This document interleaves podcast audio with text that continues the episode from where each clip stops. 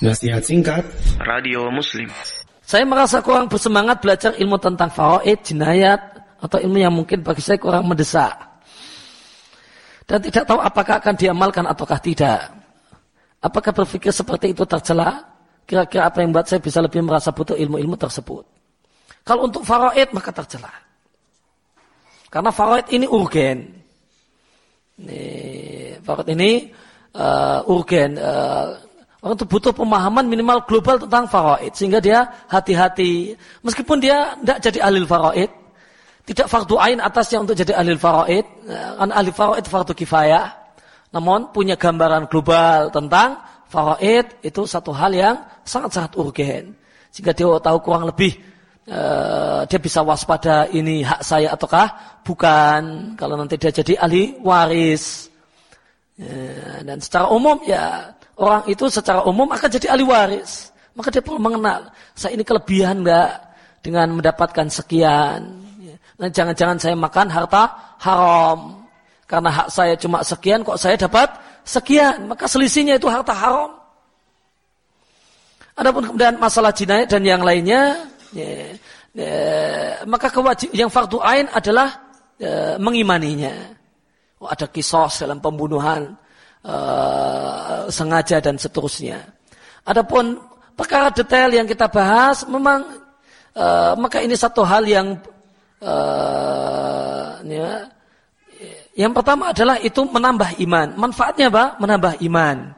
Semakin orang itu membaca hadis yang kemarin dia tidak tahu, kemudian dia mengemini hadis tersebut, maka bertambah imannya. Dia, dia baca satu ayat yang semula dia tidak mengerti maksudnya, kemudian dia mendapatkannya, kemudian dia mengerti isinya, maka dia bertambah iman. Maka itu menambah iman. Setiap ayat dan setiap hadis yang dia dapatkan yang sebelumnya dia tidak mengerti, maka itu menambah iman. Namanya iman tafsili. Secara ijmali orang punya kewajiban untuk beriman dengan hukum Allah Subhanahu wa taala. Ini iman global. Dan orang iman, iman nanti kemudian ada iman tafsili, iman rinci. Dengan seiring bertambah dengan bertambahnya hal-hal yang dia imani. Oh, ada hukum semacam ini dalam syariat. Oh, ada hukum semacam dalam syariat. Kemudian dia bertambah, ini bertambah, ini bertambah.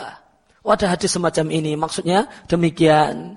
Maka ada semakin banyak hal-hal yang dia imani. Iman itu bertambah, di antara sebabnya adalah dengan bertambahnya hal-hal yang dia imani. Ini faedahnya demikian. Dan faedah yang lain, di sangat urgen di zaman ini, di zaman informasi, untuk uh, ketika berbicara dan berdialog dengan orang. Untuk meluruskan orang-orang yang salah paham, dan itu sangat banyak tentang hukum Islam.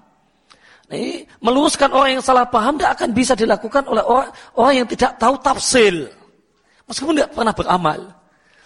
Orang yang tidak tahu rincian tentang masalah dan potong tangan untuk pencuri. Gimana dia mau menjelaskan? Orang yang salah paham tentang dan cuma melihat oh ini jelek, oh ini kejam dan seterusnya. Gimana orang itu akan bisa memahamkan dan menjelaskan kalau dia tidak tidak punya pengetahuan detail tentangnya. Dan pengetahuan uh, pengetahuan detail sehingga kita bisa menjelaskan ini ini urgen di zaman dan di era informasi.